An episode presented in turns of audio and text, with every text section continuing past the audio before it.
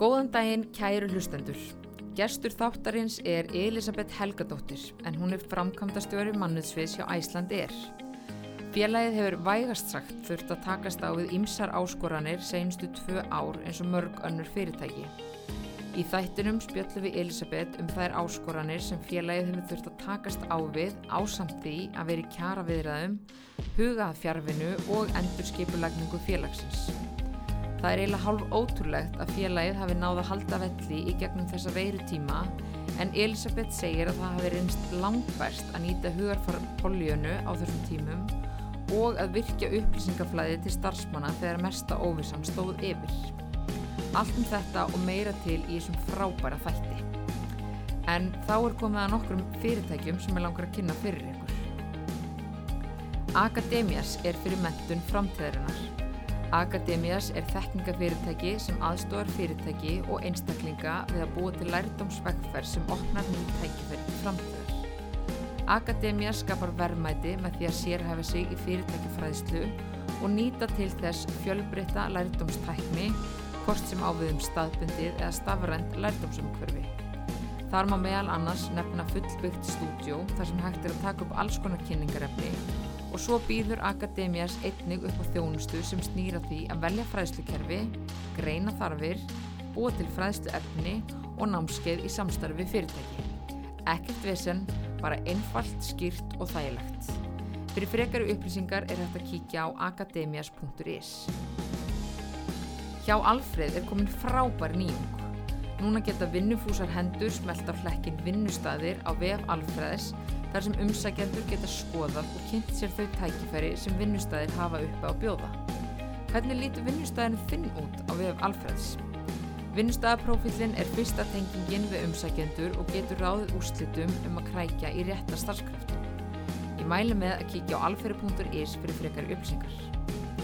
Svo er það MútUp, en MútUp mæli starfsánægu fyrir íslenska vinnustæði.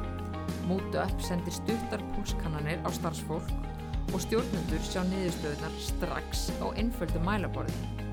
Þar er hægt að fá margvíslegan samanburð til dæmis á milli delta og yfir tíma og þar byrtist líka skrifleg endurgjöf sem starfsfólk sendir inn undir nafnlend.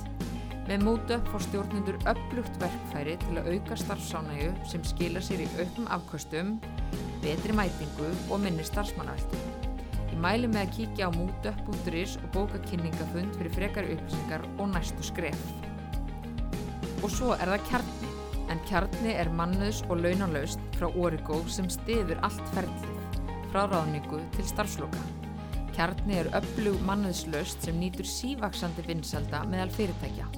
Á síðastlinum árum hafa fjölmörg fyrirtæki á Íslandi tekið kjarna í nótkun með góðum árangri og má segja að kjarni sé mest vaksandi mannuðs og launalaust á Íslandi. Kjarni samanstendur af nokkrum kerfislutum sem hægt er að kaupa staka eða sem pakka. Fullkomi flæði er á milli kerfisluta í kjarna sem og yfir í önnur kerfi. Kjarni býður upp á vefviðmót fyrir starfsfólk og stjórnendur þar sem þau geta á einfaldan hátt nálgast allar helstu upplýsingar. Þessi sjálfsafgriðsla léttir á starfsfólki, mannuðs og launadelda sem geta þá nýtt tíma sinn í önnur verkefni. Kjarni státur af miklu möguleikum í skýrslugerð, hvort sem það er í bakenda lausnarinnar, vefviðmóti eða með tengningum við ytri skýrslugerðatól eins og Power BI. Stjórnendur eru mjög meðvitaður um launakostnað sinna eininga þar sem samfélgtaferli launa gefur þeim góða yfirsýn yfir þau mál. Allt um kjarnar inn á origo.is En nú skulum við vinda okkur spjallið með Elisabethu. Gjöru þau svo vel.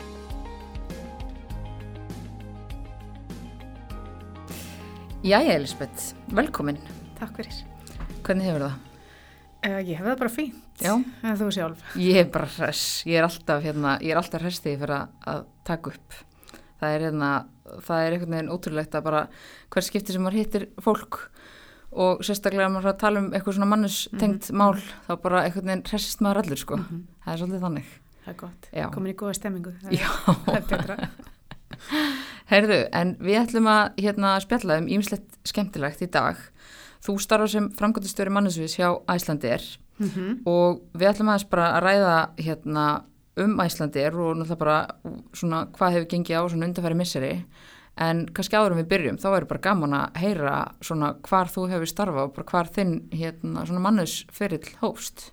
Já, einmitt, sko, eh, ég við fyrir bara aftur í bara svona mitt grunnám í háskólanum, þá, þá tók ég sálfræði þar og var í þryggjára námið þar og, og eftir það þá var ég svona svolítið veginn hvað ég ætlaði að fara að gera með sálfræði menturina, ég var ekkert alveg búin að plana þetta þegar ég byrja námið og ákvaði bara svona að taka mér smá frí frá námi og meðan ég var ákvaði mig. En var eiginlega samt svona svolítið ákveðin í því að ég vildi svona frekar kannski fara svona meira inn á vinnustöðana frekar en að fara í klíningina þannig að mitt fyrsta starf eftir hérna sálfræðina var hjá Gallup. Og fer að vinna svona fyrst við bara alveg svona tölfræða rannsóknir og hell mér það og, og svo fer að svona þróast þetta svolítið, ég er þarna alveg nokkur ár og þróast meira inn í svona vinnumarkasrannsóknir, markasgreiningar uh, og svo á tímabili var ég mikið að vinna með vinnustæðgreiningar uh, með hérna Tómasi sem er nú enn að vinna og stúsast því alveg með sérþekkingu í því og lærði náttúrulega alveg helling þar. Og það má kannski segja svona mín svona fyrstu svona mannus svona mannus hérna reynsla hafi verið svolítið í því.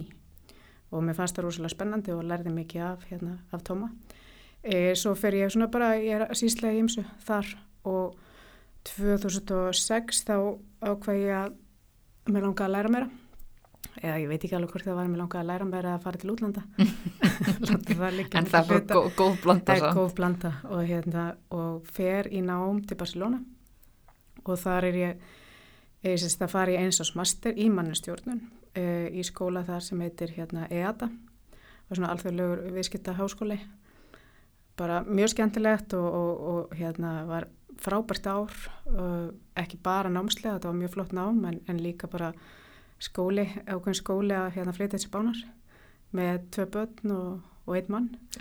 Og áttur þú hérna, kunnur spænsku eða? Nei, hérna reyndar ekki, og, en ég setti það ekkert mikið fyrir mér, þetta námi ára ennsku, en ég veist þegar ég hugsa tilbaka þá var maður auðvitað svona, svona frekar brattur að fara út í þetta annars að kunna spænsku, en það ég veit ég hvort að, þú veist, og ég kunni ekki einu svona spænsku hvað þá katalónsku, sem er alltaf töluð í Barcelona, þannig að fyrstu, þú veist, fyrsta mánu en ég var að græja hús og alls konar svona pappirsvinnu, þú veist, þá bara sati ég ángrín svona inn í svona reikmettu um herbergjum með bara köllum af því að hann alltaf bara kallar sem var vinn í banka eða einhvern legumarka eða eitthvað og þau töluðu bara katalónsku og ég bara skrifaði undir. bara já, já, tökum bara á þessu. Já, já, bara sí og bara eitthvað svo bara vona að ég hef verið að skrifa undir að rétta. Emmitt. En þú veist, það er bara stundum að það er bara að henda sér í djúbilögina og hérna, ég lærði alveg smá spænsku en ég hérna, og er svona sem að svona, vondri íslensku kallar svona, svona mellufær, þú veist, ég get bjarga mér sem túristi. Já. en ekkert mikið meir en það sko. Nei, en ég mun að það er eitthvað. Það er eitthvað.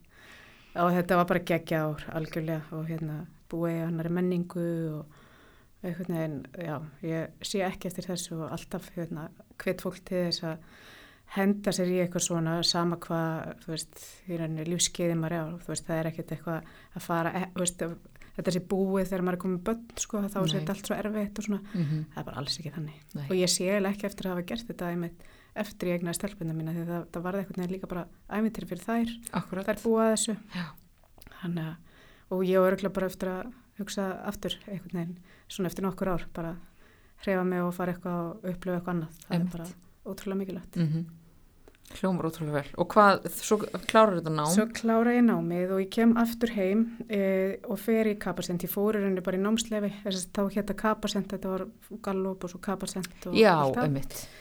Og fer inn, í, inn til þeirra aftur en ég stoppaði bara mjög stutt að því að hérna fekk símtal frá e, aðlum í Íslandsbanka. Held að við nú verið með Hafi Braga sem var bara ringdi í mig Ekki Og ólíklegt með að hann er búin að vera lengi. og hérna og þá voru þau með stöðu þar lausa og ég bara hérna fór í nokkur viðtöl og, og stökk á það tækifæri. Og ég kem þar inn hausti þá 2007 ég tala alltaf um það að ég er svona kortir í þrjú gælan ég ná, náði svona í leifarnar af góðareinu í böngunum og síðan, veist, ég, eftir ég byrja þá er þetta allt svolítið svona veist, þetta er svona smá niður, niður ferð þarna, smá rússipana reyði niður en ofsalega dýrmættur tími í bara reynst, fá reynslu í sarpin Mhm, og mhm. hérna, Fórstu beintin á mannesvið þar eða? já, fór Já. beintin á mannisvið þar og er að vinna þar með hérna, bara mjög flottu fólki hérna og við lendum nú auðvitað bara þarna í hruninu árið setna og þá ásýrst það bara algjör endurskipulagning á bankanum og eins og allir vita og, og við náttúrulega bara endurstruktúrun líka hérna mannusmálin Hafstedt svona stýrði þá eh, tók alveg yfir mannusmálin, það var svona aðeins öðru fyrir, fyrir það það var svona ákveð alþjóðsvið og það var fjárfestingabankasvið og þetta var svolítið svona skipt. Mm hann Já, þau voru þeir ekki tveir eða eitthvað svoleiðis þeir voru rauninni þrýr Já, ok. Ég, mér minnir endilega því að Mhm. hann hefur náttúrulega komið í, í þáttinn. Mér minnir endilega mitt að hann hafi verið að tala um þetta. Já, það var Elvar, Helgi Rúnar og, hérna, og Hafsteinn Mm. þetta var alveg flott mótel sem það voru að keira að en það var þörfa okkur einföldun þegar við förum að gegna hrunnið og Hafi hérna, leiðir þetta og við tókum bara í raunni eftir þetta hrun alveg ofsalega hérna, skemmtileg ár við einhvern veginn náðum að snúa vörn í svo það var bara þannig. Og hérna ákvaðum svona einhvern veginn við þjættum ræðirnar og þjættum hópin, starfsmannhópin sem var eftir eftir öll þessi áföll sem búin að, voru búin að dinja okkur. Og bara lögðum ekki í stemmingu og, og hérna og það tókst alveg fáranlega vel sko. Og hérna bara virkilega gaman að vera partur á þessi teimi svo er ég þar alveg í, í raunni nýja ár þú veist, á þeim tíma líka lendum við í öðru annari krísu flytja, flytja allavega úr kirkjusandi. Emitt. það sem alltaf er miklað og hérna já og, og, og bara daldi erfitt sko. En tókum það líka bara á hérna jákanni, það er eitt að gildum við Íslandsbanka. Mm það var alltaf bara einhvern veginn að snúa vörn í sókn. Og, og það var líka bara mjög skemmtilegt verkefni. Það er náttúrulega bara eitthvað allt annað konsept, bara gjörbreytt vinnuöngfrau, allt sem því fylgdi að stýra breytingunum framaflutningi og svo eftir og, og svo þarna um áramátin 2017-18 að þá fer ég yfir til Æslandi og er búin að vera þar síðan þá. -hmm. Og tóku svo sem kannski ekkit endilega við Nei, og þá er ég aftur, þá kemur þessi hérna, kortir í þrjú. Þess að mun enginn ráða mig aftur. Mitt kemur alltaf bara svona aðeins í Það lokin er bara hún að koma, hér nei, nei, nei. Að hérna, en jú, ég minna það var svo sem, þú veist, allt tannilega, þú veist, hérna, gott er í keminni félagi og svona, en það var auðvitað svona ímislegt sem að hafi kannski samt skipilásbreytingar og annað sem að voru búin að eiga sér stað og svona voru ekki alveg að hérna, virka sem skildi og, og svo hérna um sömari 2018 þá segir fórstjórun hérna á sér, hérna Björgólfur hérna, og, og svo viðtökur ferli það sem að er bara verið að reyna finna nýjan fórstjóra og, og við vorum alltaf bara svo heppin að fengum boga inn í það að hérna sem að við, veist, allir þekktu og hérna og hann er bara búin að standa þessa vakt síðan þá með öllum þeim áföllum sem hefur hafa dunni á. Þannig að hérna, þetta byrjaði, já, við fljóta svona aðeins að hérna, að brattan að sækja en búin að vera svona, hvað, ég er búin að vera fjögur ár. Ég segi oft fyrst fjögur ár en bara félsleg hundra ár. Já, sem á þessum meiklu, sko, Mm -hmm. mörg og hérna, þetta er bara, hérna, já, maður verður að taka þetta svolítið bara með jákvæðinni eins og ég lærði í Hauslasbanka. Já. En hérna, ég er alveg samt viðkjönd það að stundum finnst mann komið gott. Já, akkurat. Poljan er ekki endalust alveg. En hún er ekkit- sko. hún er ekkit endalust í góðskapi, sko. Nei, En þetta er náttúrulega, við náttúrulega bara vitum hérna uh, hvernig þetta COVID-tímabil hefur verið og maður hefur einmitt alltaf verið að halda í vonuna bara, já, nú er þetta búið, nú fyrir þetta Mhm. klárast og eitthvað svona. mhm, Og engin veit það rauninni. nei. En þetta hefur náttúrulega verið mjög slemt fyrir flugfélag, bara út um allan heim. Uh, svona hvernig er bara staðin hjá Æsland er í dag? Sko staðan er bara, hún er bara mjög góð.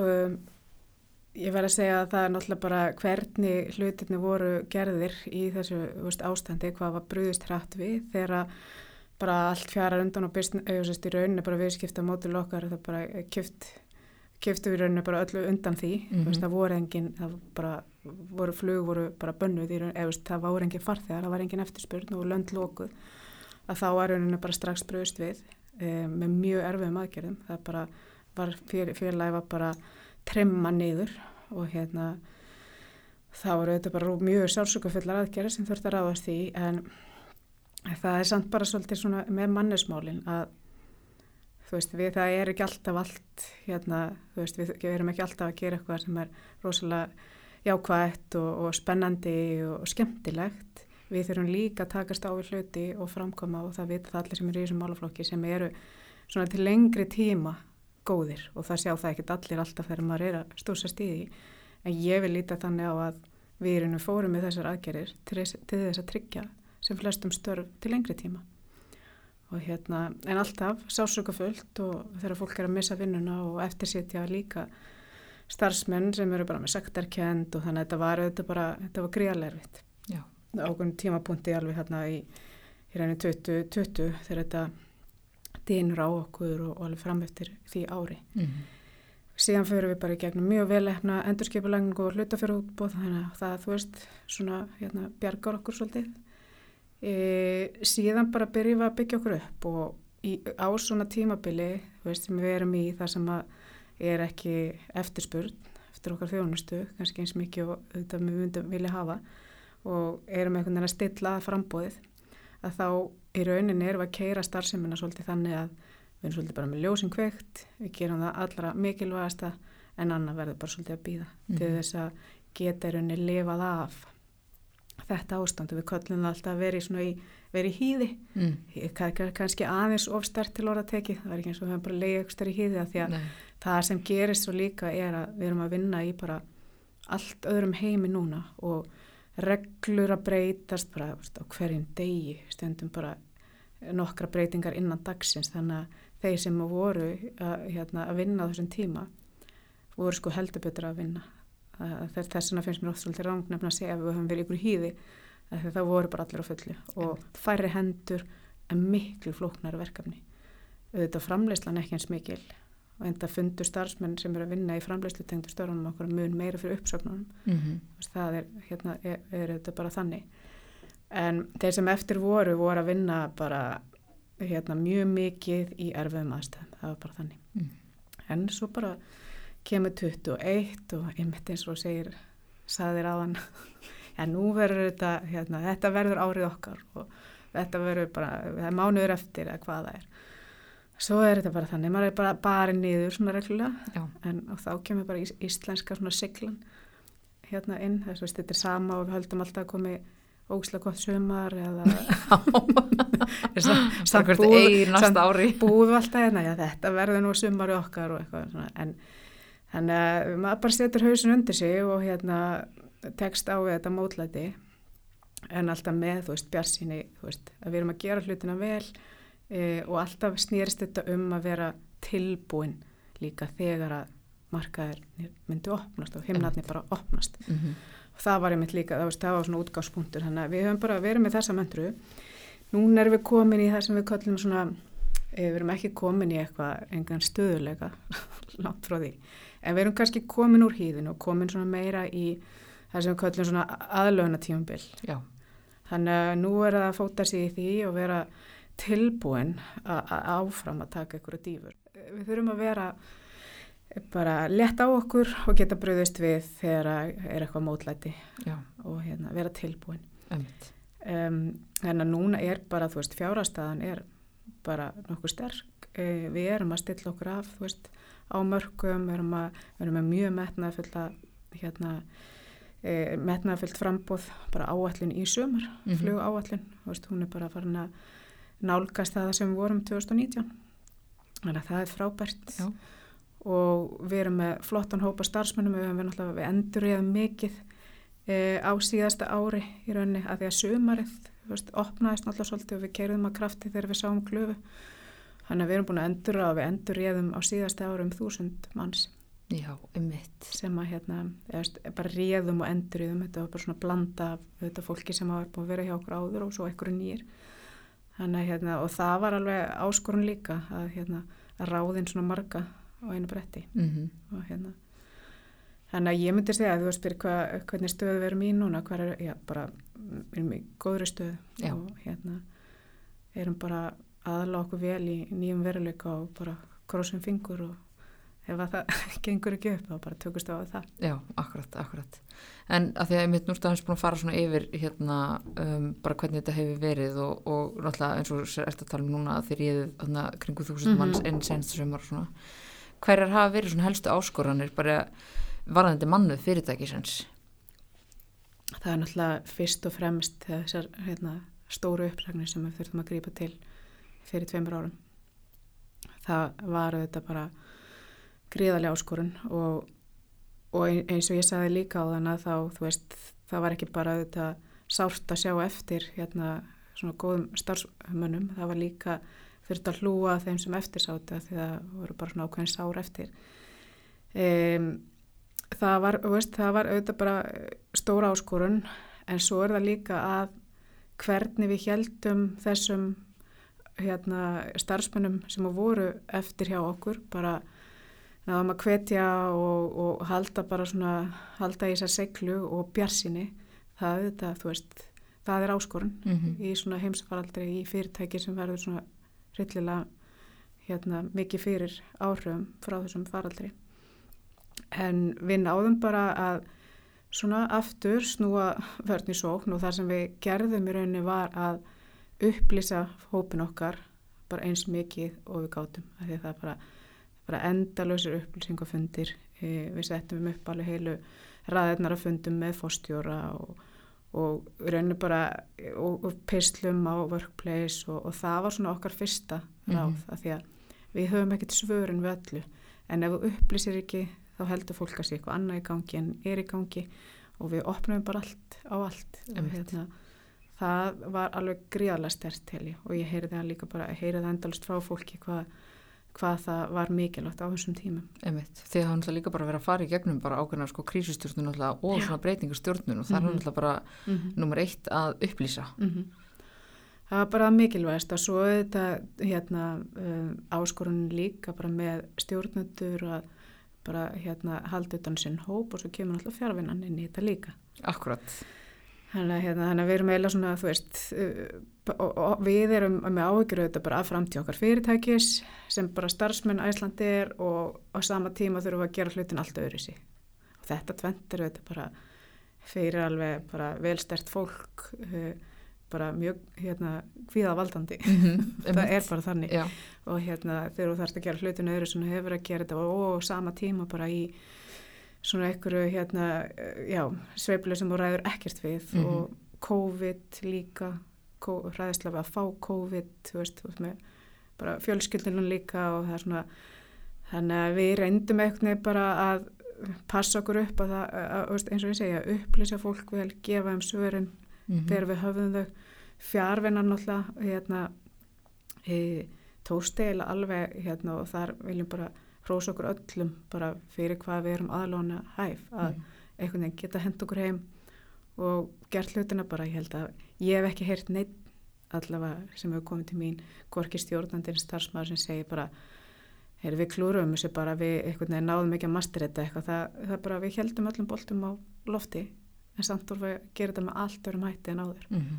Þannig að það er svo magnað svona, hvað fólk getur undir pressu breytt hérna, vinnu aðferðum rosalega já. Ég er ekkert að segja að við ættum alltaf að nýta svona, Nei, nei. Veist, við verðum að nýta krísunar, jú, en Já. við hefum ekki að beita þessar aðferðafræði, einlega nýja hluti, sko. Nei, Þannig nýttu við, veist, krísuna í að gera hlutina eh, allt öðru sig mm og við munum búa því. Það er bara ekki spurning. Þannig að þetta voru svona helstu áskoranna. Svo voru þetta áskoranir líka, þú veist, það náttúrulega fór ekki fram hjá neinum að við vorum í erfum kjaradeilum samhlega það því að Mhm. þú veist, það var partur af því að í rauninni endurskipilegja fjölaðið og, og skoða hvort það var ekki tækifæri til að gera eitthvað betur. Þetta eru gamli samningar, e, þannig að við förum í það strax. Það eru þetta bara eins og erum í kjara viðraðum að það er sjá ekki allir hlutin eins og, Nei, og erum ekkert sammála um allt en við náðum þarna að semja á, á hérna við þrjá hópa. Og hérna og í dag eru við, þú veist, ég vona allavega að það sé svona tiltölulega mikil sátt um þessa samninga og við erum að sjá bætingu í bara í rauninni rekstrinum hvað varðar þessa samninga og líka þú veist, auðvitað gáum við eitthvað líka félagi eftir, þú veist, það var svona það var ekkert bara einhlega samningaviðraður Neini, en það ganga þær bara sjálfnast upp, sko. ganga sjálfnast upp en þetta tók á. Og hérna og það sem kannski tekur mest á finnst mér í svona hérna svona viðraðum er ekki endilega það er tekist á við borðið og við erum með mismunandi hatta og, og hérna ég liti á allt þetta fólk sem að hérna var í þessum samningaviðraðum þó ég hef verið við borðið. Þetta er bara frábæri vinnufélagar en við erum bara með svo förum við inn í samningaherbyggja og við erum bara ég er með þennan hatt og þessi með þennan og ég er ekkert að taka hlutin eitthvað, eitthvað persónulega sko, Nei, bara alls ekki. Nei. Og vonandi, þú veist, það er einhver sáru sem eru kannski ekki búin að gróa alveg en, en hérna, þau vonandi gera það. En hérna, það sem ég ætla að segja sko er að þegar ekki svona kjara deilur verða og þegar verða hávarar eins og í þessu tilviki kannski sérstaklega varandi flugfröðunar að þá finnst mér eiginlega erfiðast að horfa til þess að menningin sem er búin í hérna og vinnustæðarinn verið að skiptast í upp í ykkur fylkingar. Mm það sem að fólk fyrir rauninni svona innbyrðis. Já, að svona vera ósátt, þú veist, við hvert annað. Einmitt. Það er svona, það veist mér erfitt en hérna, en, og við reyndum hvað við gátum að einhvern veginn slá að það því þetta er ekki, þetta er engin svona keppni milli deilda.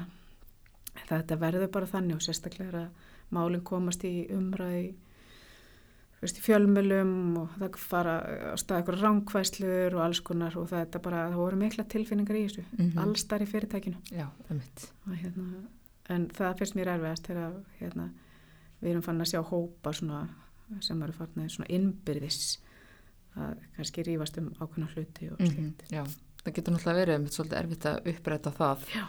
og að því þá er náttúrulega líka oft sko, tilfinningar komnar inn í spilið, sko. Algjörlega og það er- vantar ekki tilfinningar í þetta félag sko. Þetta er náttúrulega fara hérna 84 ára veist, þetta er bleið þannig að það eru alveg tilfinningar og hárstarfsaldur og fólk er búið að hérna, vinna þarna alla sína hunds og katta tíð og og undan og, veist, og svo framvegist þannig að það er mikil ástriða Já, félaginu. En eins og þú veist, bara það stutta sem við erum búin að spilla núna, Mm þú veist, þá er sko í rauninni magnað að þið séu bara ennþá á lífi vegna þess að þeir eru búin að fara gegnum þetta COVID-tímabil, svo koma með þessar kjaraviðraður Mhm. allar inn í, þú veist, þetta er ekkert búið að vera neitt, og svo bara fjárvinnan og allt þetta, Mhm. uppsagnir, þú veist, þetta er ekkert búið að vera neitt eðlilegt álag. Mm, þetta er búið að vera alveg svakalegt álag sko en, en einhvern veginn bara, já, veist, maður kemst bara gegnum þetta og maður er náttúrulega bara að passa upp á, þú veist, hérna, passa upp á fólk og hérna, og sig sjálfan Uh, ég er samt hugsa oft bara, er sko, þetta var ekkert annað að gera. það er ekki þess að hafi verið á ferðalögum eða tónleikum eða, þú veist, þannig að það var líka kannski þannig sem að, ég, það er ekki alveg til fyrirmyndir að segja þetta en það var ekkert mikið í gangi þannig að maður gæti svolítið hérna, verið með þetta bara svona Já. fremst á darskráni já, akkurat. maður stundum fjölskyldinu sinni og svo var þetta þannig að svo samkomið takmarkan maður mátti ekki eins og þetta vini sína stundum þannig að bara Já, bara ágættis afsökun. Já, ég menna, þú veist, það var bara, hérna, ekki mikið annað. Já, einmitt. En eins og ég segi, þið eru náttúrulega búin að ganga í gegnum bara alveg svakalega breytingar. Mm Um, er eitthvað svona breytingar sem að þú ert farin að sjá og þið uh, hérna, sem að svona kannski sjáu fyrir ykkur að festist í sessi og kannski hafa gert það nú þegar, einhverja Mm. breytingar sem að þið gerðuð eða, eða eitthvað tengt þessu faraldri eða kjara Mhm. verðanum eða ykkur. Það er bara, veist, eins og þannig að máltæki segir, never waste a good crisis, þú veist, við erum mjög meðvitið um það. Og hérna, og kannski helst hvað varðar þessa fjárvinu og, og við erum samt ekki alveg búin að lenda henni, veist, það er svo langt uh, frá því að við sem komum með eitthvað flott eða fyrirmynda mótel í fjárvinu. Mhm. En við höfum ákveð að gera þetta þannig og við erum búin að taka nokkur skrifi að festa svona einhverju stefnu að við kallum það flexibility at work Mm. og við horfum til þess að fjárvinnan sé þannig og þú veist bara vinna fólks að þú stýrir henni svolítið sjálf hver, hvernig þú hagar henni eða hvar þú ert að haga henni þegar að í rauninni verkefnin leifa það auðvitað er alltaf, þú veist, eins og allstaðar sem störf kræfjast þessu sérst á staðnum, það er náttúrulega bara í eðlið þeirra Einmitt. En við ákvaðum að fara, alveg ólíkt kannski mörgum öðrum fyrirtækjum, að fara bara svolítið sveigjanlegin í þetta og setja það svolítið meira þá í hendur starfsmanna og þá stjórnenda að svona finna hversu mikið sveigalega hver getur haft. Af því að það sem að er best við í rauninni þessa fjárfinu er að við fáum að stýra því hvernig við gerum hlutina út frá okkar í rauninni svona hvað ég segja, okkar lífi þú veist og það er alltaf verið að tengja inn í bara að ná mér að jafnbæði millir hérna, vinn og engalís og svona. Þannig að við, það er ekkert eitt sem hendar öllum.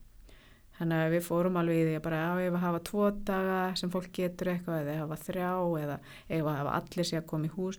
Og við heila svolítið ítt um þessu frá mm -hmm.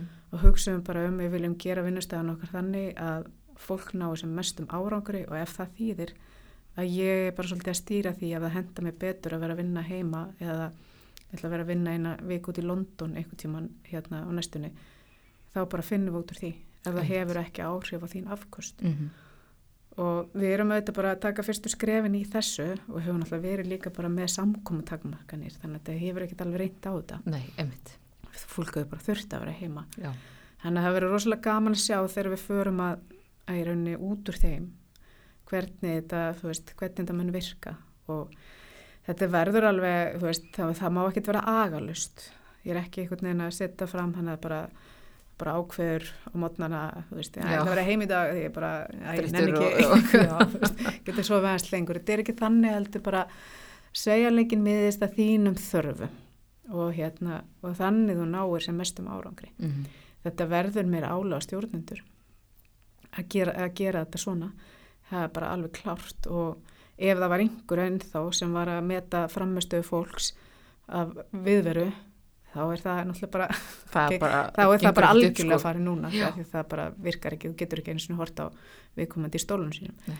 Þannig sem er náttúrulega bara gott en þetta mun setja ríkari kröfur á að fylgja eftir hérna frammerstöðu sem er bestamál en við þurfum að hjálpa stjórnundum í því. Mm. það verður okkar í mannuði mikilvægast að verkefni núna Anna, og líka bara þetta að ná að halda taktinum í teimum, að ná að halda persónlegum samskiptum, að fólk nái að halda öllum svona, að þessi inclusivity, þú veist, að því að þeir eru ekki á staðinum out of, hérna, Já, side out of mind, sko, þetta, að það sé ekki, þannig að það er fullt af áskorunum hvað þetta var þar. Akkurat. Og það má vel vera við skiptum um gýr, skiljið, þegar hérna mánuðinni líða og við erum í aðlum hérna, eðlu lífi. En þá vorum við líka bara svona byggjað á gögnum. Veist, þá vorum við að meta og það er það sem við ætlum að gera. Bara framkoma kannanir, veist, skoða hvað virka best mm. og ekki bara vera að taka ákvarðan út frá hvað mér finnst veist, mér finnst best að hafa þetta svona og þá hlut lítur öllum að finna við verðum að svona, taka púlsinn mm. á fólki hvað virkar og hvað virkar ekki. Emitt. og það er samt svo fyndið að hérna, um, við gerum eina mælingu í höfum verið að gera mælingar á sko, hvað þú sér fyrir þér í framtíðinni. Er bara núna að vinna mikið á staðanum og, og vinna í fjárfinu, svona öllu jöfnu og fyrstu mæling við gerum held ég bara fyrir árið síðan og þá var svona öllu jöfnu sá fólk fyrir sér að vera í einhverju fjárfinu kannski tvo daga, cirka og svo spurðum við um daga því við erum, við erum líka að fara að hanna nýjar höfustöðar erum í því ferli núna Já, hún er í hafnafyrði. Já, þannig við þurfum að þess að líka reyna, þú veist, við erum að þess að breytu, hvað veist, bara hvað eru margir að fara að mæti hús, við erum ekki að fara að byggja hús sem er fyrir alla og svo er bara 50% alltaf í fjárfinu. Þannig við erum að reyna að skoða þetta en allavega þessi mæling sínd okkur þetta og að fólk myndi helst vilja fyrir fjárfinu á förstu dögum, já, förstu dögum var bara alveg, þú veist, by far. Nefn að svo gerum við mælingu í september í fyrra þegar veit ég hvort það maður, þá voru eiginlega enga takmarkanir, það voru Já, komin upp í bara, þú veist, eiginlega eðlilegt ástandandi í eftir smá tíma. Og þá erum við að mæla, erum við bara með raunmælingar, þá sjáum við sérst bara þegar þú ert að lokkað inn í raunni, gáttum bara, ég veist, náttúrulega ekki nýr á fólk, Nei, bara já, svona, bara byrjuð þessi ekki nákvæmlega, og, og bara skoðum hlutvöllin og, og skoðum deildir og þá var mesta í raunni mætingin á förstum flestir mætt á förstum okay. og við bara, einmitt, þetta er bara svona alveg hérna í andstöðu við það sem við sáum í þessum mælingum. Og svo bara, já, einmitt það er förstaskaffið þannig að þá er líka, þú veist, þetta var svo aðteklisvert að það var bara þú veist, þá sá maður bara líka ok, svart og hvítu að við sækjum bara í félagskap Mhm. við sækjum í að, þú veist, ég er ekki að segja endilega kaffipersi eða þú veist, kökurnar eða hvað það er en bara koma saman hérna, vera sem teimi, vera sem lið það bara skiptir rosalega miklu máli og þetta mun aldrei hverfa þó að fjárvinnan verði veist, við þú veist, notum hana svona þegar við þurfum eitthvað sveigjanleika í lífið og svona en mm, nú er ég samt að fara að hlifa en það eru samt náttúrulega einhverjir sem getu bara vilja að vera alltaf heima, það var held ég um 1% í þeim könnunum sem við hefum verið að gera, nei, nei, ekki 1% 11% ætla ég að segja sem geta alveg hugsað sér alltaf í fjárvænu Já, ummitt. 11% uh, svona svipað gáttu bara uh, hérna, ekki hugsa sér að vera næsta annars þar að vinna en bara á skrifstofunni.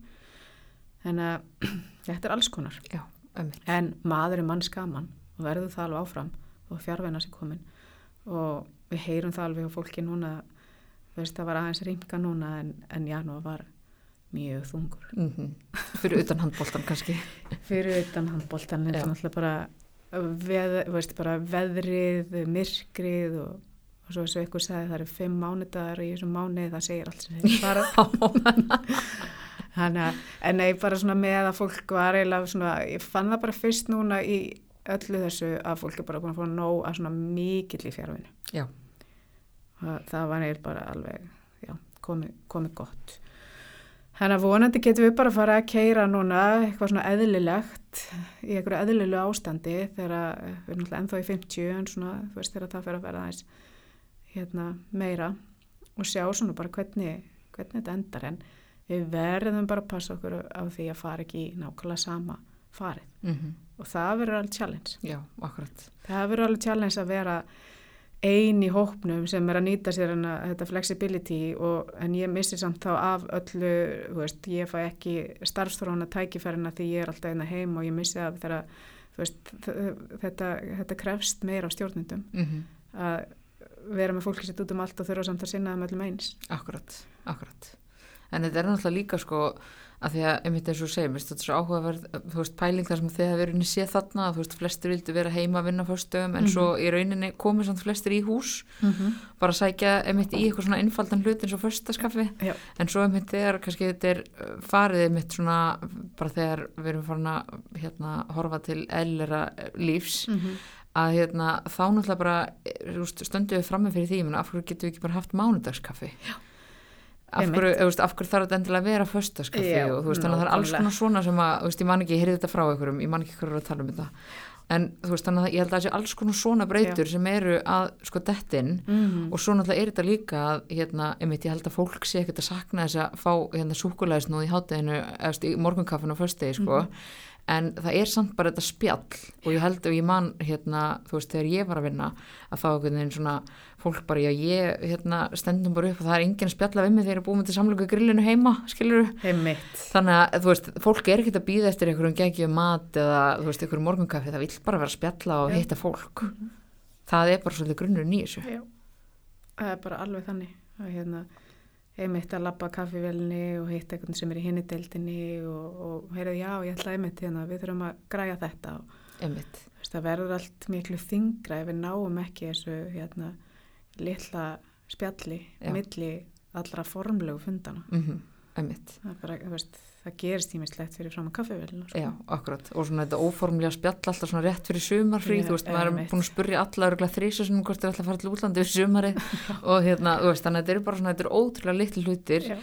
en hafa bara mikil áhrif og sérstaklega til svona langs tíma. Mm að þá er þetta bara hlutur sem hefur bara mikil áhrif. Já, og svo er það með sko, sem er náttúrulega líka gríðarlega mikilvægt og verður áskorun, það er að tilheyra einhverju teimi, tilheyra liði. Ef við komum aldrei saman eða veist, við erum bara að tala í gegnum skjáin og svona, þá verður þetta, veist, þessi tilfinning ekki eins sterk. Það er bara þannig. Mm -hmm.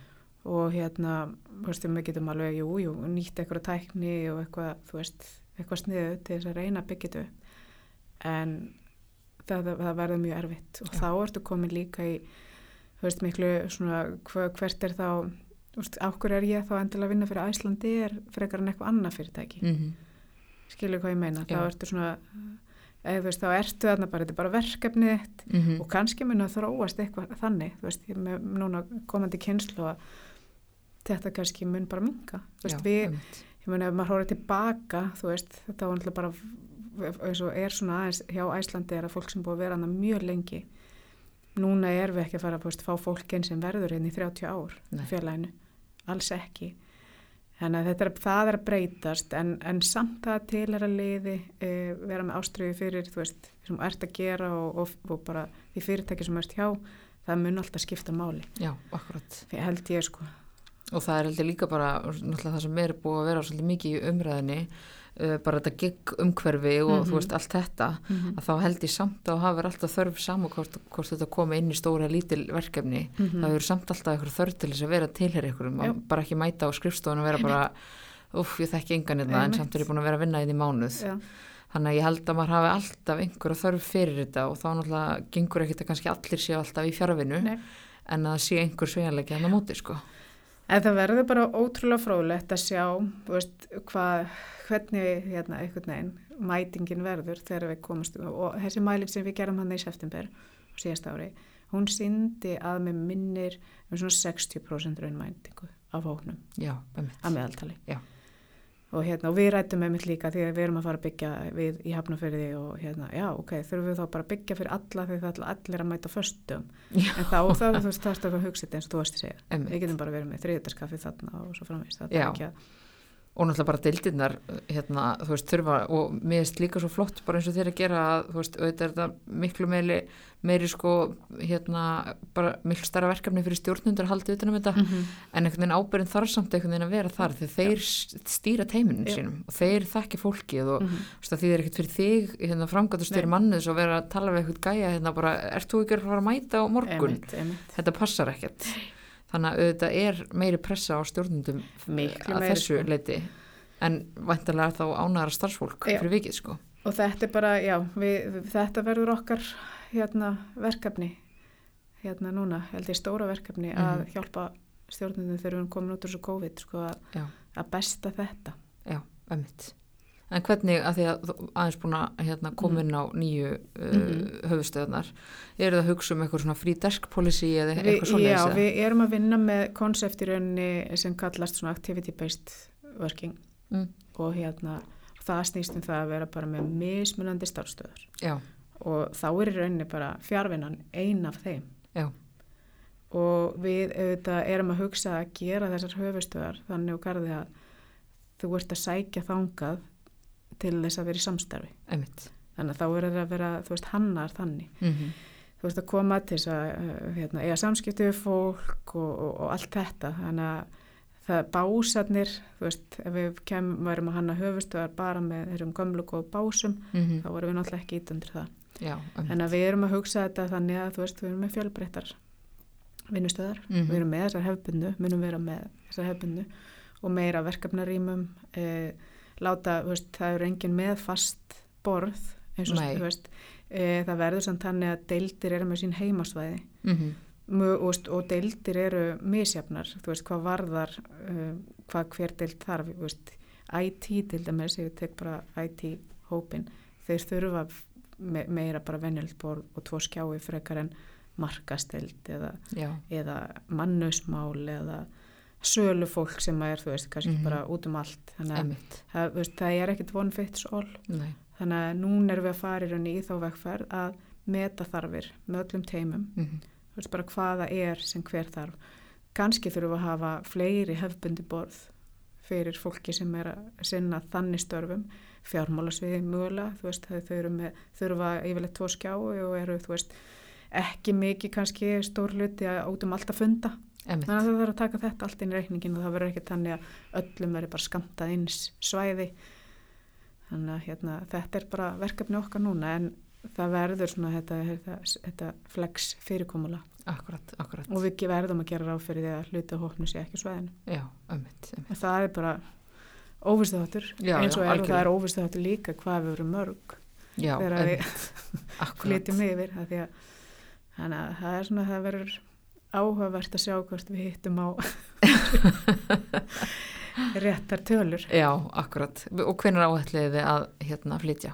e, það er í raun ekki fyrir en 24 sko Já, hann er hérna en samt alveg svolítið tvö ára það. samt ekkert brjálæslega lengi að líða sko nei, nákvæmlega þannig að svona allavega stittst í það já, Já, ömmit, þetta verður enga stund að að líða sko nei, það er ömmit bara þannig Já. það var tekin ákvörðun um þetta fyrir í rauninni það var tekin ákvörðun áramótin 2021 og þá höfum við allir með við svona þrjú ár en við erum með svona þrjú að hálft Já, ömmit þannig að hérna, þetta er bara verkefni og Já. það er gríðalega mikilvægt að gerum þetta vel og við gerum þetta í, í samráði við sem flesta nýtum gögnin, notum tíman sem við fáum vonandi núna í einhverju eðlu ástandi til þess að meta þessar stærðir sem við erum að vinna með mm og hérna hanna þetta út frá því.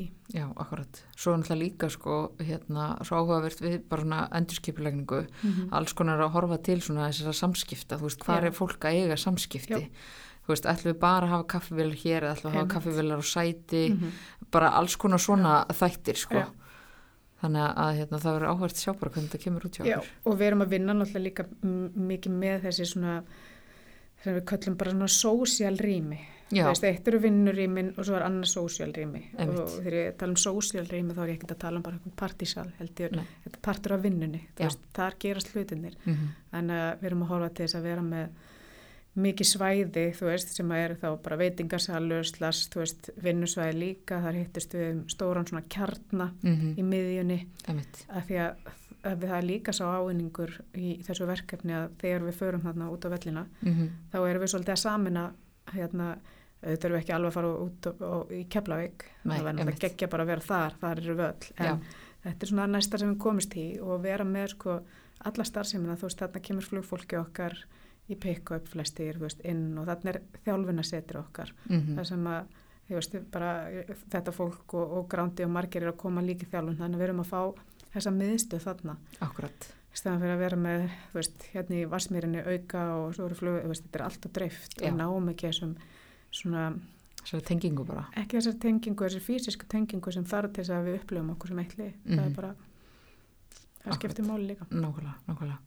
Um, bara, hérna, ég var aðeins að bara pæla einhvern veginn við varum náttúrulega búin að spjalla um það fyrir þáttinn og núna náttúrulega bara þú ert búin að fara að útskýra bara hvaða breytingar þið eru búin að gangi í gegnum og þú talar um þessa endurskipulagning á félaginu og allir þessu. mm -hmm. Heldur að eitthvað af, af þessu hefði gerst ef að COVID hefði ekki skollið á? Þú veist, hvort sem hefði gerst í einhvern veginn öðruvísi mynd en það, en það gerðist svo eða þú veist, hvernig svona, uh, eða þetta er að giska á bara. Já, ég held sko við vorum, þú veist fyrir COVID komin í ágætti svona vegferð með bara svona eh, hvað ég segja, með bara svona verkefni, svona þverfæleg verkefni okkur að bara besta starfsemin okkar enn betur. Mm -hmm. Bara ná meiri skilvirkni en að sama tíma líka að bæta upplifun okkar viðskiptavina Mm -hmm.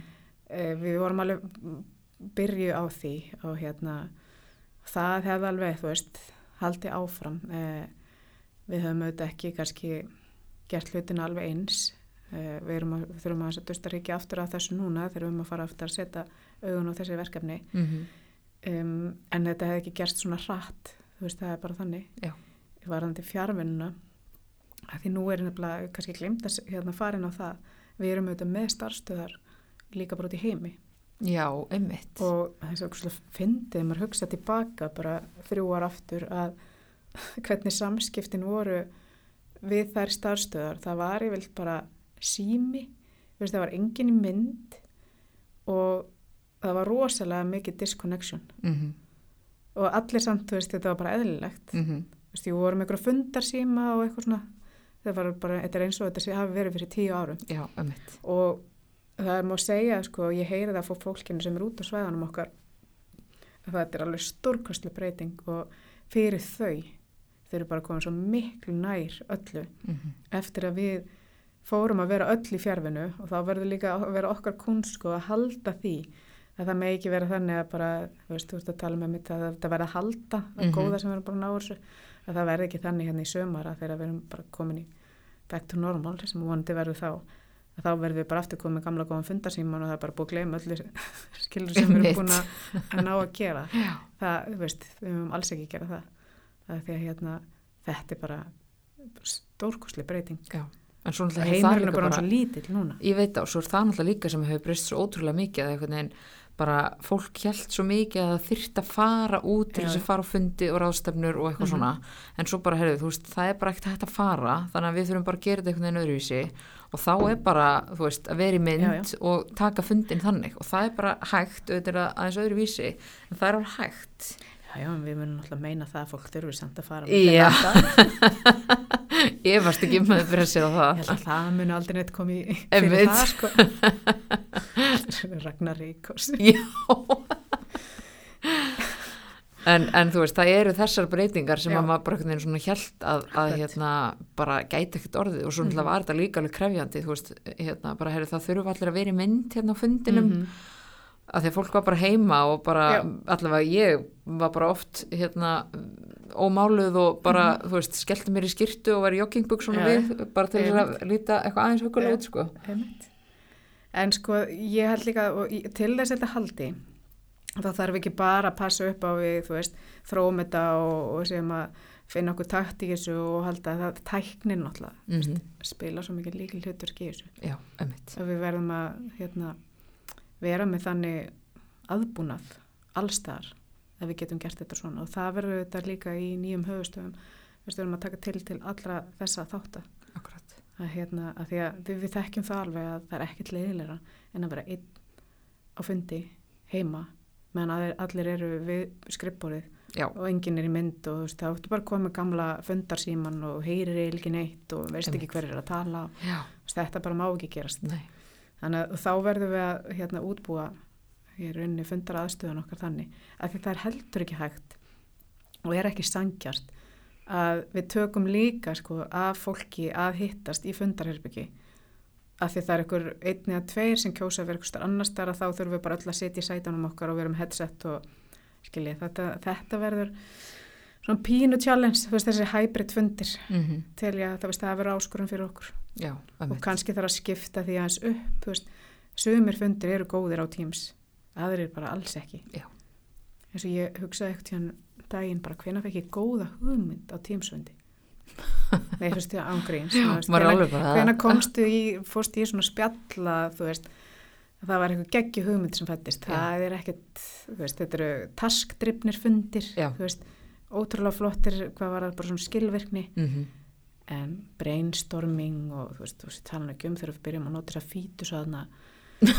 Þú veist, þess að miða og eitthvað, ég bara nei, þú veist, það Það er náttúrulega bara, all, bara er er að allt önnur dýnamík sem og að myndast sko. grúpur og eitthvað, þú veist, þannig að þú veist, þarna þurfum við kannski að viðkjöna þegar að með kannski gögnin fara og rannsóknin fara að sína okkur eitthvað, það, þetta virkar ekki allstaðar Nei, og við erum ekki. verið rosalega góði því að velja mm hvað er þetta gott og hvað, hvað er ekki. Já, og þá þarf kannski að setja eitthvað, eitthvað viðmið starfsmenn mæta í hús þegar þetta er í gangi. Geta tekið hérna, að Mhm. þetta, sem ég segi, þetta má ekki bara vera eitthvað agalust og, og þá verður allt eitthvað svona miðjumóð í öllu. Akkurat, en þetta er náttúrulega líka að kalla svolítið á þetta skipulag hjá stjórnendum. -hmm. Og að halda utan um það að þeir geti sko framfyllt þessu skipulag eða þú veist bara hérna alltaf á miðugutum eða eitthvað, þá er teimisfundur og þá er bara gert ráð fyrir að sé allir á staðnum, Já. ekki nema að koma bara eitthvað sérstakt upp á. -hmm. Þannig að hérna, þetta náttúrulega kalla líka bara það að stjórnendur þurfa að vera svolítið duglegar að skipulegja Já. fra- fram í tíman og, vera með svolítið aðhald í þessu sko, Mhm. en ekki alltaf bara breyta og bara, Mhm. þú veist, nákvæmlega og svo eru bara stjórnundur svo misjafnir og, og ég sagði þetta náðan, þú veist, við getum ekki gert hlutinu eftir hvaða tilfinningu ég hef fyrir því að hvernig mér finnst eh, fjárvinna best eitthvað. Þetta er bara stjórnundur að díla við að þeir eru bara á mjög misjafnum stað. Veist, ég hef alveg verið á sama fundi þar sem að eitt stjórnundi segir bara, bara það verður allir að koma í hús og vera, við verðum bara að vera að upplifa hennar teimis anda og, og meðan annar kemur inn mér, veist, ég bara ekki við að vera að mastera fjárvinna og við þurfum að vera ennþá stífari og við þurfum bara öll að vera heima við eigum ekki þurfa að byggja nýjar höfustöðar Já, þannig að við erum á alveg á, veist, og það er bara flott er bara að ekki vera með ykkur sem eru veist, alveg með þessa framtíðasín Já, en svo verðum við bara að finna besta Finna. taktin í þessu akkurat, finna einhvern uh, Mhm. góðan milliveg. það má vel vera, veist að það verði ekkert sem þannig, ég held samt ekki en það verður bara tíminlega ljós Já, akkurat. En svo líka hérna finnst mér, maður hefur bara séð, þú veist, náttúrulega alls konar rannsóknir og svo náttúrulega bara það sem ég veist hérna áhugavert bara maður hefur séð mikið á LinkedIn mm -hmm. það sem er hérna einhver posta bara þú veist, gerðu hérna like fyrir, þú veist, ef þú myndi vilja vera einn dag að vinna heima, gerðu hjarta fyrir tvo eitthvað svona Já, og þú veist, það sem maður hefur séð að fólk er alveg til í að vera að vinna eitthvað heima en það er ekki, þú veist, það eru fá- fáir sem eru til í að vera alveg heima eða alveg í vinnunni Mhm. þannig að það, mér finnst doldið áhugavert að því ég meina fyrir hérna tveimur árum þegar þetta byrjaði þá, veist, það að vinna heima bara nei, veist, þá ertu nú bara að fara heim og gera ekki neitt, sko. Mhm. en svo þegar þessar aðstæði koma þú bara verður að fara heim, það er ekkert annað í bóði að þá einhvern veginn er þetta kannski einhver leiti bara ákveðin svejanleiki sem er, svo frábært að fyrirtæki bara taki upp og bara herra hvernig getum við gert þetta? Já. þannig að þetta hendi bæði fyrirtækinu og starfsfólki. Það er bara líkillin í hérna, við þetta að þú veist, og þú ert líka að að stækka svo mikið talentpúli sem þú hefur aðgengja með að gera þetta svona. Já. og við höfum náttúrulega verið að stiga núna að skrefi því að við erum að ráða fólk sem er bara búsett út í Berlín eða Oslo og er ekkert að flytja Nei. en að því að við erum í þessum sérhæðar ekstri mm að þá er bara stundum mjög erfitt að finna þessa reynslu hér á landi. Og þetta, þú veist að þetta sé orðið svona venja hjá okkur þessi fjárvinna og alltaf opnar alveg bara nýjan heim sem er Einmitt. bara geggjað. Akkurat, akkurat. Um, nú erum við bara að fara svolítið yfir bara einmitt svona hvaða bara jákvæða breytingar hafa komið út úr þessu öllu þó svo að hérna, maður horfir nú kannski ekki á þetta COVID tímabil sem beint jákvætt sko.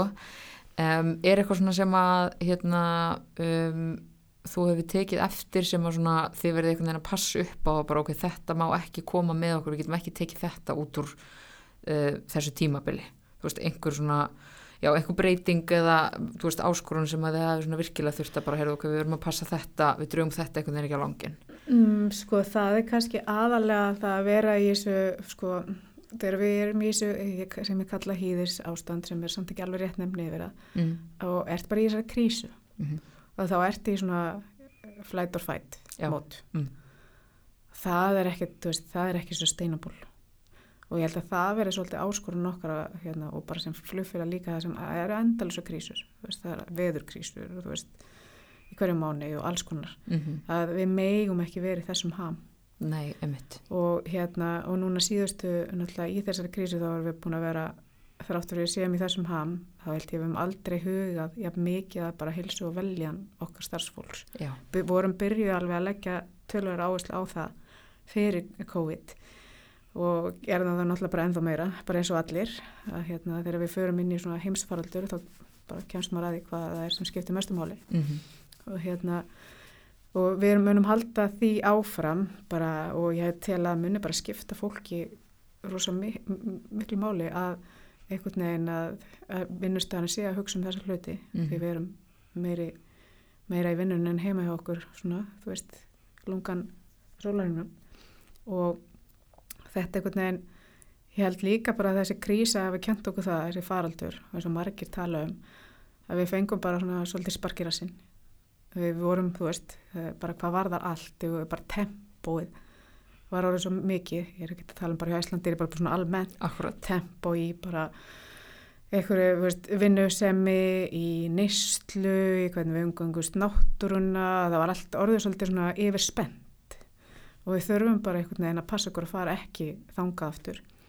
Eh, við höfum þurft að vera núna svolítið svona yfir spennt til þess að bara bjarga okkur í gegnum þessa krísu. En núna þurfum við þegar hún er búin þá verðum við aðeins að andi kviðin og forgámsraða rétt því að hvernig við ætlum að koma okkur að, veist, spilna okkur upp. Að því að það er fullt af verkefnum sem býða og það klæjar alla í fingurnar einhvern veginn, bara nú erum við að fara að spilna okkur upp og þá ætlum við að gera þetta og þetta og þetta, þetta. Veist, ef við ætlum að fara að keira og allt sem okkur langar núna, þá er veist, þá bara verðum við ekstra út í skurði. Mm af því að þú, við erum með þreytta við erum þreytt öll eftir, eftir þetta, þú veist, fight or flight hérna, þessi ár og við þurfum bara vanda okkur, þú veist núna hvaða verkefni við ætlum í, gera þau vel og bara, heit ekki láta þetta kenna okkur aðeins að hérna, það er bara daldið skynsum í hvernig við lifum lífinu sko. Að forgánsa hérna rétt. Mm klára hlutina, gera vel. Og eins og þú segir, bara nota svolítið skynnsemna, ég held að það Já. sé kannski svolítið, -hmm. já, bara mm, svolítið hollt að fara í gegnum það að bara, heyrðu, nú þurfum við bara að fara þetta svolítið á skynnseminni og auðvitað bara í blandi það að bregðast hrætt við og, Já. og allt það sko. En samt einhvern veginn að maður sé skynnsamur í því sem að, maður er að gera sko. Já, og ég held að við höfum líka lært, þú veist, í, í þessu ástandi þá hefur við allavega komist að mjög mörgu sem við vorum að gera sem við neittust til að hætta að gera mm. og það var bara alltaf leið. Já, akkurat veist, það er bara komast út úr einhverju, þú veist, við erum að gera stund fullt af hlutum sem að við þurfum ekki að gera. Nei, en höldum að séu bara Höldum að séu bara að það er bara eitthvað einprenta í okkur, við gerum þetta og ekki, veist, stoppum ekki og spyrjum okkur, heyrðu, hvað er þetta þú veist, að gefa okkur? Svona ef við horfum til þess að hérna það fyrir stittast, þetta COVID-tímbil fyrir stittast, hvað svona hver eru næstu skref hjá okkur? Eh, eins og ég kom inn á áðan þá erum við náttúrulega núna bara svolítið veist, í þessari aðlögun Mm -hmm. og við fóta okkur bara núna í veist, árferðir sem getur alveg farið upp og niður og, þá vorum við bara að vera ókslega létt á okkur og veist, við getum ekki tekið ómiklar áhættur af því að þetta ár, þú veist, við verðum bara standa undir okkar skuldbendingum og sína í rauninni bara okkar hlutum eða þú veist, bara gefa okkur, hvað ég segja, sína um að, að þeir sé að fá okkur fyrir penningin sinn Mm -hmm. þannig að hérna, það sem er leggja í félagið þannig að við þurfum skynsum en samt ótrúlega mikið á tánum Mhm. Og þá er líka bara uh, þetta gildi sem við erum með hjá Íslandir einfallleiki Mhm. uh, við erum með sérst þrjú gildi hérna, er á ennsku, við erum með- meira með á ennsku það er passion, simplicity og responsibility. Og það er eins og ég kom inn á það, það er sko ástriði á félaginu og hún er til staðar og við erum að beitinni bara á réttum stöðum. Uh, responsibility er hérna snýr mikið að Vist, við erum flugfélag, þá eru öryggi alltaf í fyrsta seti það er allt sem við gerum. Mm. öryggi og svo viljum við náttúrulega vera bara hérna, samfélags ábyrg í öllu sem við gerum. Uh, og svo er það þessi einfallleiki og við, veist, við verðum bara að setja það svolítið á hérna, oddin þetta árið. Mm. við verðum að geta gripið öll tækifæri uh, við megum ekki flækja hlutina það er bara dregur úr þeim krafti og, og byrjum mögulega til ykkur sóun þannig að við munum setja mikinn þunga í það að bara halda áfram núna þegar við stígum út úr þessu COVID einfalda reksturinn e, bæta okkur í hérna, bara ferlum, vera skilvirkari en alltaf líka með það að leiðiljósu að við sem að bæta upplifun okkar farþega um það snýst þetta Mhm. og ná þá að skila meira verið til hluta líka Já. í leiðinni. Einmitt, einmitt. Þannig að þetta verður svona hérna, útgangspunktur og, og bara þetta hópin ná að vinna upp, þú veist, í rauninni það sem við erum búin að missa af núna síðastleginn tvö ár.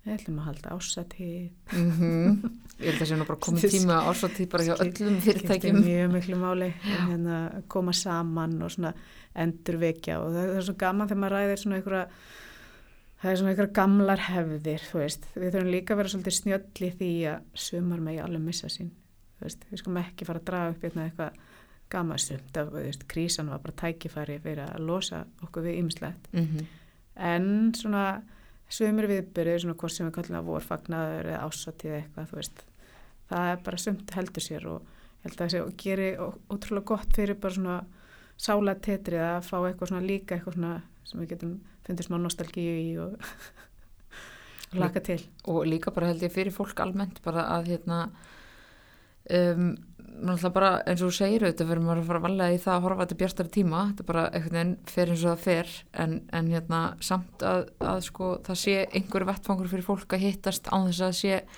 í vinnunni og það vantar samt helmingin á teiminu Já. og það er allra að passa sig og þú veist eitthvað svona mm -hmm. að þetta sé einhvern veginn undir eitthvað svona í einhverju léttari kringustöðum heldur en akkurat í vinnunni eða heima algjörlega bara ekki spurning og Já. Einhvern veginn og já, bara taka skinnsum skref og það er náttúrulega líka bara fyrir okkur í framkvæmdastjórn við, að því ég var áðan að tala um að meðum ekki ráðast í og marga hluti, þar eru við bara dröguvagnin og leiðum með góðu fordami og við setjum línunar og þetta verður alveg áskurinn hjá okkur líka Mhm. að hérna, við verðum að setja tónin og, og gera þetta skinsamlega Akkurat. þú veist, við þurfum bara að koma starfseminni, þú veist, bara flug áallun og öllu þeir sem snýra henni það verður að virka.